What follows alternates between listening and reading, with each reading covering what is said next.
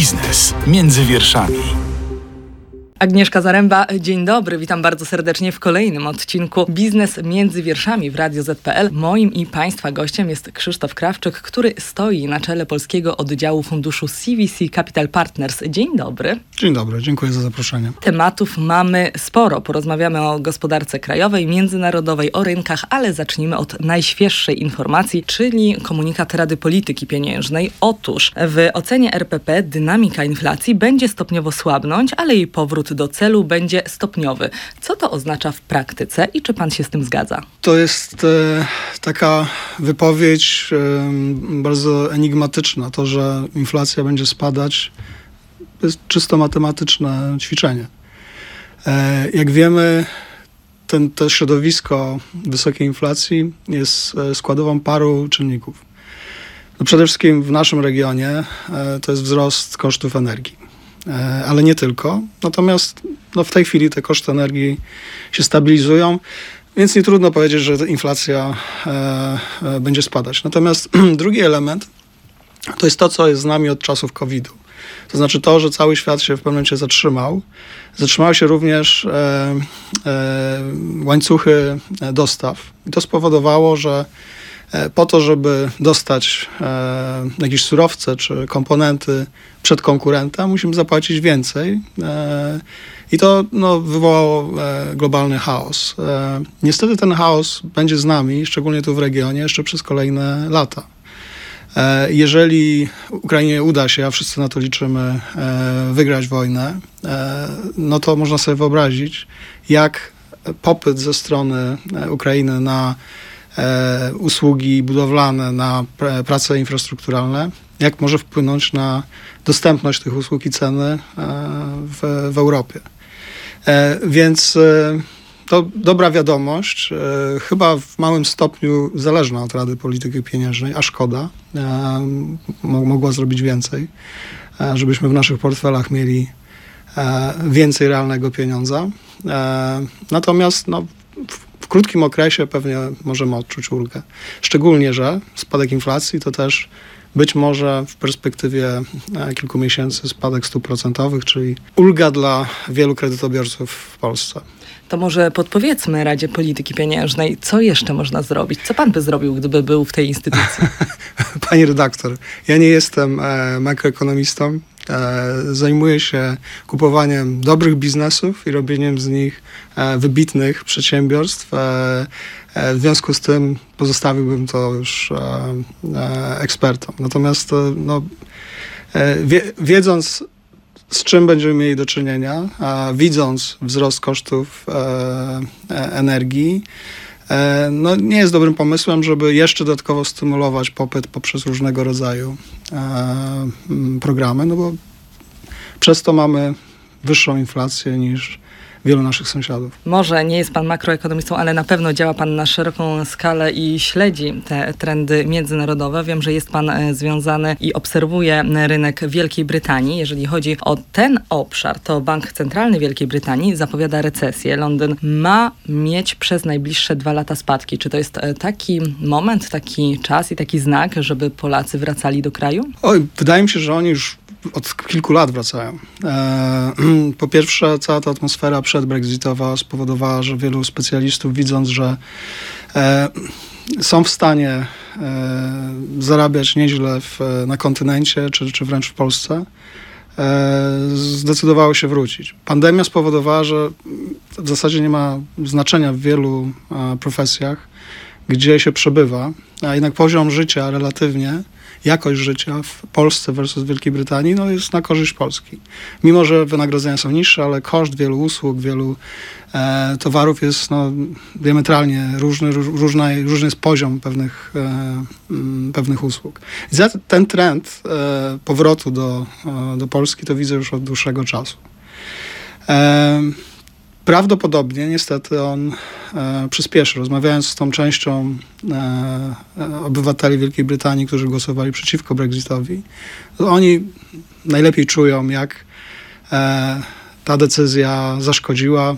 Wiemy o tym, że m, mm, według e, badań opinii publicznej no dziś przeważająca większość zagłosowałaby na to, żeby w e, Unii Europejskiej pozostać. To w takim razie zatrzymajmy się dłużej przy tym wątku, przy tym temacie, ponieważ on ma swoje konsekwencje, także gospodarcze dla nas i dla polskich firm. I co się okazuje, że rusza nowy program, będzie to 500 milionów złotych dla firm, takie wsparcie finansowe. Przedsiębiorcy, którzy ucierpieli przez Brexit, mogą starać się o te pieniądze. Szacunkowo mówi się o tym, że to może dotyczyć 20 tysięcy polskich firm. To dużo czy mało? Jak pan to ocenia? Liczba 20 tysięcy mnie osobiście e, zaskakuje. E, Wielka Brytania jest istotnym, ale no nie aż tak ważnym e, partnerem handlowym. To ja od razu powiem skąd ta liczba. Tak powiedział minister funduszy i polityki regionalnej Grzegorz Puda. To jest jego cytat.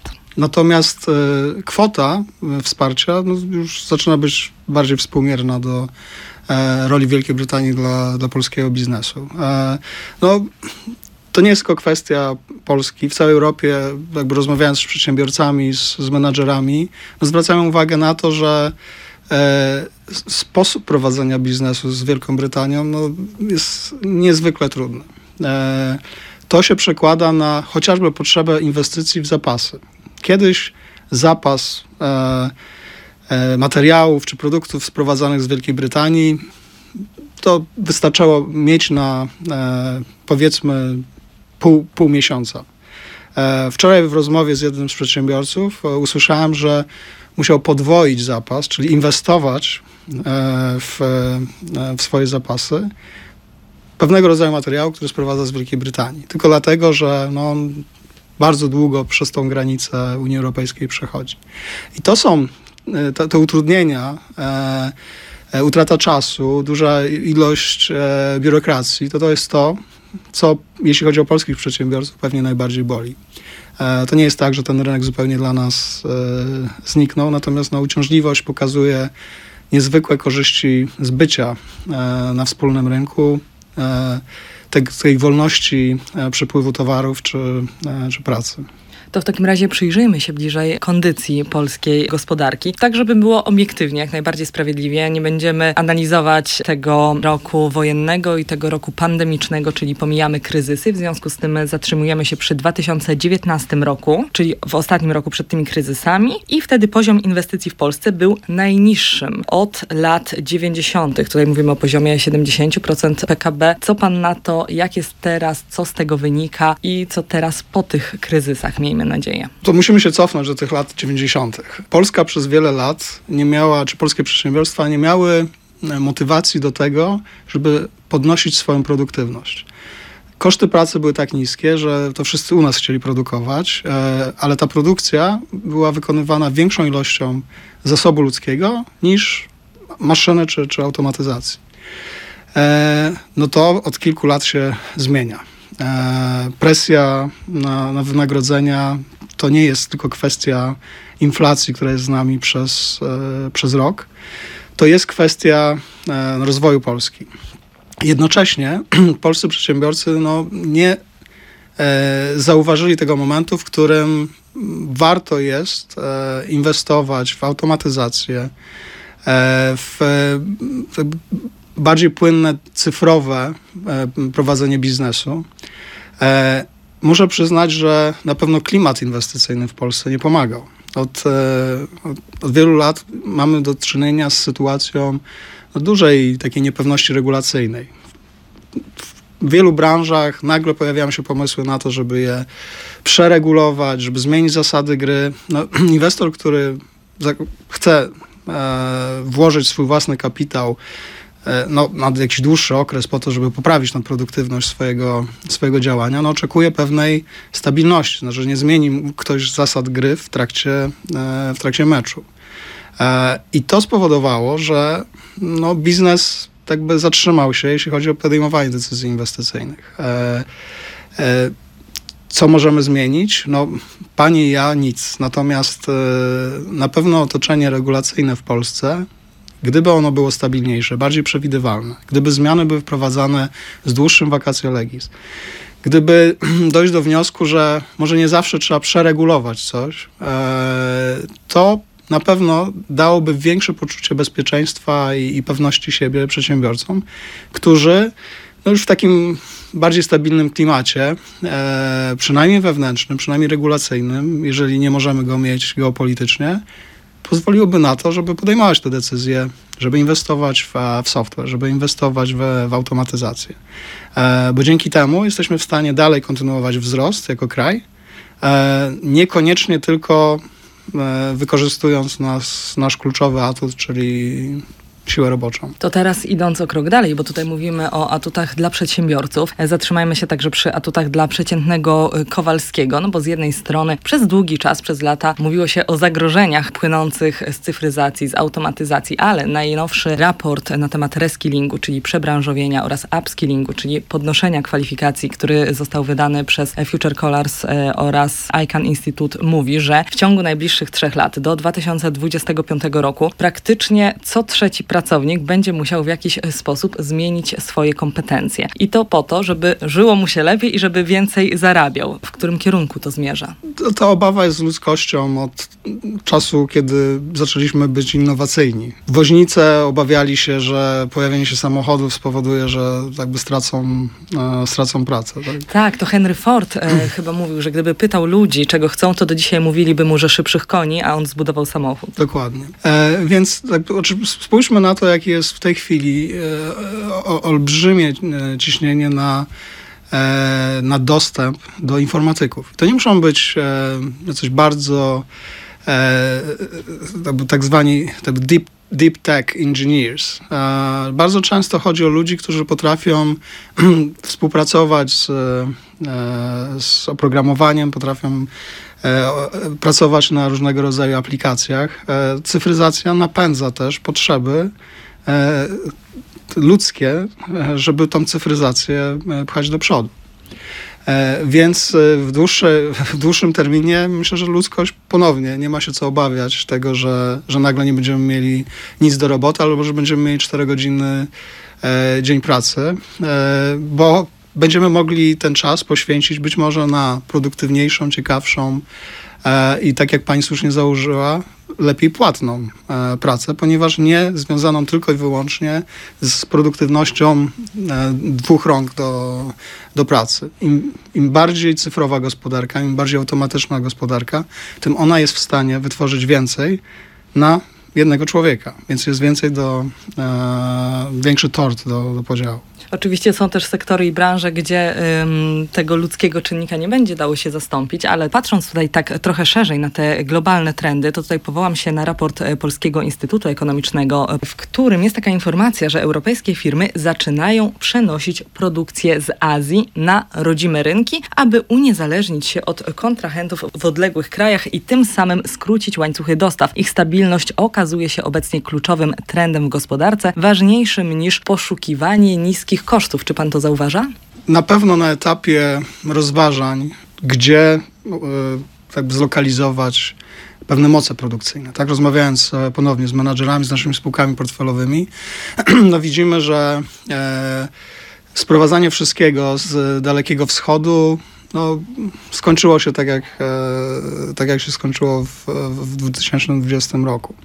E, na to się nakładają e, konflikty i napięcia geopolityczne. Mówimy wręcz ostatnio e, o być może pojawieniu się e, trendu friendshoringu, czyli umiejscowiania jakichś istotnych elementów łańcucha e, dostaw w krajach, które nagle nie zostaną objęte sankcjami, e, nie są wrogo nastawione, nie mogą, nie, nie, nie przerwą nagle e, dostaw. Także e, Zdecydowanie dziś każda decyzja inwestycyjna, e, każde nakłady inwestycyjne e, przedsiębiorstw są rozważane z perspektywy, gdzie je zlokalizować, no po to, żeby zdywersyfikować takie ryzyka. Czy nie będziemy sprowadzać już niczego z Dalekiego Wschodu. Oczywiście to, to tak nie jest. To, to, nigdy nie jest zero-jedynkowe. E, natomiast e, e, myślę, że w tej chwili przed Europą i szczególnie przed naszym regionem jest, jest szansa na to, e, żeby właśnie pozyskać środki, nakłady inwestycyjne, e, które dywersyfikują te globalne e, łańcuchy wartości. No, tak jak w biznesie niestety, wszystko się nie dzieje z dnia na dzień. E, typowy projekt inwestycyjny, e, no to jest co najmniej e, pół roku, jeśli nie rok, dwa lata. Więc zanim zobaczymy realne przełożenie się tego na realną gospodarkę, no to musimy chwilę, e, chwilę na to poczekać. Ale ponownie, jeżeli w Polsce e, zbudujemy klimat e, przyjazny dla inwestorów, nie traktujący ich jako zło konieczne, tylko jako kogoś, kto jakby przyszedł tutaj coś współtworzyć, e, no to przed nami duża szansa. A kto w takim razie najwięcej zyska na skracaniu łańcuchów e, dostaw? Według Reutersa będzie to Polska i Niemcy. Zgadza się. E, No, Polska jest od bar- bardzo dawna zapleczem e, produkcyjnym dla, e, dla Niemiec. E, Jakby ten poziom współpracy na poziomie menadżerów, e, no to już są jest parę dekad e, doświadczeń. E, Z drugiej strony Niemcy, no to jest e, takie zagłębie intelektualne e, Europy. No to tam powstaje ten własność intelektualna, która później jest produkowana w, w innych krajach, e, a technologia pozwala tak jak rozmawialiśmy wcześniej, e, prowadzić produkcję czy pewne procesy biznesowe taniej. E, niekoniecznie wykorzystując bardzo duże e, jakby nakłady robocizny, co powoduje, że nawet w krajach o tak wysokich wynagrodzeniach jak Niemcy jest szansa na to, że e, jakby część produkcji zostanie, zostanie zlokalizowana. No mamy tu cały czas niestety oddech tej, e, e, tej wojny, która pewnie ja osobiście dokonując jakiejś tam decyzji inwestycyjnej, będąc międzynarodowym inwestorem, wziąłbym to pod uwagę. Nie mówię, żebym e, skreślił kraje, które graniczą z, e, e, z obszarem, na którym są toczone działania wojenne, ale no, na pewno nie oszukujmy się, można mieć to z tyłu głowy. W pierwszej części naszej dzisiejszej rozmowy powiedział Pan, że sposób prowadzenia biznesu z UK jest niezwykle trudny. To jest też e, trochę Pana rynek. Jest Pan mentorem, e, jeżeli chodzi o ten zakres. To podpowie Pan, jak prowadzić biznes pomiędzy Polską a Wielką Brytanią, jak współpracować, na co zwrócić uwagę, jak zmieniły się te warunki od czasu Brexitu. Przede wszystkim e, jakby nasz, nasza firma i ja, i moi kole, koledzy i koleżanki e, współpracujemy z e, polskimi studentami. E, powstała bardzo duża diaspora e, studentów e, w Wielkiej Brytanii i w, i w Irlandii. Oni cały czas chcą pozostać w kontakcie z Polską. E, Interesuje ich też również, jak dokonywać pewnych wyborów, jeśli chodzi o swoją ścieżkę kariery, o, e, o profil studiów. E, I tu, no, z jednej strony te osoby mają, czy prze, prze, przez pierwszy rok, półtora po Brexicie, zdecydowanie miały problemy z tym, że- żeby mieć dostęp taki jak przed do wyższej edukacji w e, Wielkiej Brytanii. E, W tej chwili każdy student no, musi przed, przedstawić e, albo no, zaświadczenie, że posiada środki, e, e, albo taką gwarancję ze strony e, jakiegoś sponsora e, biznesowego, e, no, żeby móc studiować, żeby dostać, dostać wizę studencką.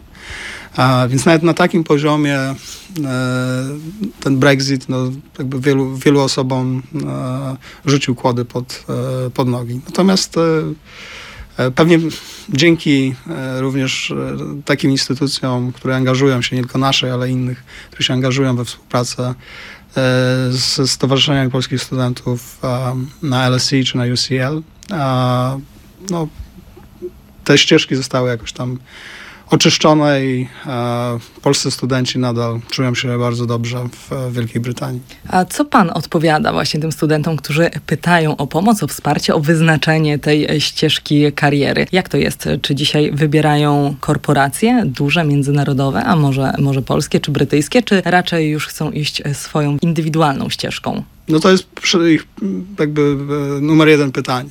E, I odpowiedź zazwyczaj jest dokładnie taka sama, to znaczy, a kim jesteś? Co chcesz osiągnąć w życiu? E, Czy lubisz i cenisz wolność, niezależność? E, Jesteś w stanie sam siebie motywować? Czy potrzebujesz pewnej struktury i bezpieczeństwa wokół siebie, pewnej infrastruktury organizacyjnej, dzięki której możesz się realizować? No, tyle odpowiedzi, ile, ile osób, ilu, ilu studentów. E, natomiast e, no, na pewno jest, to nie jest e, tylko i wyłącznie odpowiedź w jedną stronę, bo te rozmowy ze studentami to bardzo ciekawy dialog, gdzie obie strony, ja osobiście bardzo dużo się od nich uczę, chociażby tego, jak nowe pokolenie patrzy na, na świat, na swoje ambicje, na to, jak chcą spędzać czas. To na czym polega taki mentoring i kontakt z menadżerami wysokiego szczebla? Przede wszystkim to są pytania o to, jaką, w jakiej branży podjąć pracę, jeżeli chce się docelowo tak wylądować e, w jakiejś firmie czy, czy w, jakiejś, e, w, jak, w jakiejś branży. E, Jak sterować tą ścieżką kariery. E, No jest bardzo dużo szczegółowych pytań. Czy ta firma jest lepsza od, od tej? To są też e, bardzo często w przypadku osób przedsiębiorczych, bo wielu studentów jednak decyduje się mm, no to realizację swojego marzenia budowy e, unicorna, więc to jest dużo pytań, jak prowadzić biznes. Jaki jest mój następny krok? Jeżeli mam już dwie osoby zatrudnione w firmie, to co mnie czeka dalej? E, więc bardzo dużo takich głębokich, szczerych rozmów na temat e, tego, że jakby biznes to wcale nie tylko sukces, to jest pasmo porażek e, i błędów, które trzeba kory- korygować na bieżąco i w ten sposób osiąga się sukces. E, bardzo często moim młodszym koleżankom i kolegom e, polecam to, jak do swojej ścieżki kariery podchodzili sportowcy, bo biznes i sport mają dużo ze sobą do czynienia. I wielu z nich, jak, naj, jak na przykład Michael Jordan, e, mówi, że jakby moja kariera to było pasmo e, wiecznych porażek i radzenia sobie z tymi porażkami. Jak stworzyć w Polsce dobry klimat dla inwestycji, żeby tych porażek było jak najmniej? Myślę, że powinniśmy słyszeć coraz rzadziej na temat e, zaskakujących projektów ustaw. Myślę, że jeśli od tego zaczniemy, to jakby wiele biznesów odetchnie, e, wiedząc, że za, za tydzień, miesiąc, pół roku ktoś nie, nie spowoduje, że nagle będą musieli wykonać kilka kroków wstecz, e, e, być może czasem e, pożegnać się z częścią zespołu po to, żeby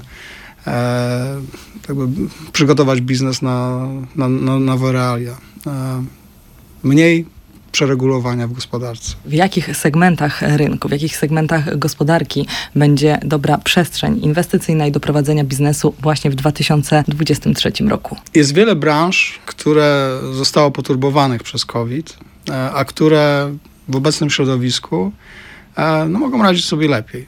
E, I inwestorzy, którzy wycofali się, czekając, co z pewnymi branżami się, się wydarzy, no, mogą teraz z większym poczuciem pewności na nie, na nie patrzeć, e, inwestować po to, żeby po, pomóc im e, się odbudować. Więc wszystkie te biznesy, które e, no, miały do czynienia z fizycznym kontaktem z, z człowiekiem, no powoli mogą odetchnąć. Rozmawiając ponownie z osobami z, z rynku, widać, że chociażby branża hotelarska to jest branża, która wreszcie e, w tym roku może e, złapać duży, e, duży oddech. Widzimy też dużo megatrendów, czyli zmiany, która będzie z nami przez dłuższy okres. No i jestem jakby olbrzymim fanem cyfryzacji. Uważam, że każda branża ma w sobie potencjał e, cyfryzacyjny. E, W związku z tym to jest też e, kierunek może niekoniecznie branżowy, ale jak wykorzystać kapitał po to, żeby być lepszym, sprawniejszym, bardziej międzynarodowym biznesem. Czyli cała paleta tak branż począwszy od, technologii, od oprogramowania, skończywszy na e-commerce. E, Drugi megatrend to nasze zdrowie, e, gdzie no, ponownie my jako kraj na, na dorobku może nie mamy bardzo dużych środków e, na ochronę zdrowia, no ale będziemy musieli je wygospodarowywać i, i angażować w, w sektor ochrony zdrowia coraz więcej. Stąd wielu inwestorów pilnie patrzy na, na branżę. A czy pan optymistycznie w związku z tym patrzy inwestycyjnie na 2023 rok?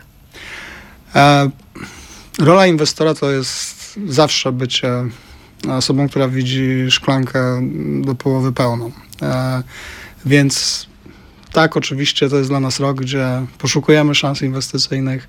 E, chcemy znajdować firmy, które e, no, z tą nową energią chcą wykorzystać kapitał, żeby, żeby się rozwijać e, no już w tym takim postpandemicznym środowisku. W takim razie tym optymistycznym akcentem zakończymy naszą rozmowę. Bardzo serdecznie dziękuję za dzisiejsze spotkanie. Dziękujemy Państwu za uwagę. Zachęcamy do odsłuchania również innych e, odcinków z cyklu Biznes między wierszami w Radio Z.pl. Można je odsłuchać na stronie internetowej Radia Z, w naszych aplikacjach podcastowych, w playerze, a także zachęcamy do oglądania tych wywiadów e, na oficjalnym profilu YouTube Radia Z. Już teraz bardzo serdecznie dziękuję za rozmowę, za spotkanie i za poświęcony czas.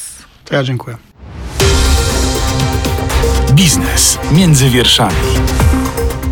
Więcej podcastów na player radioz.pl.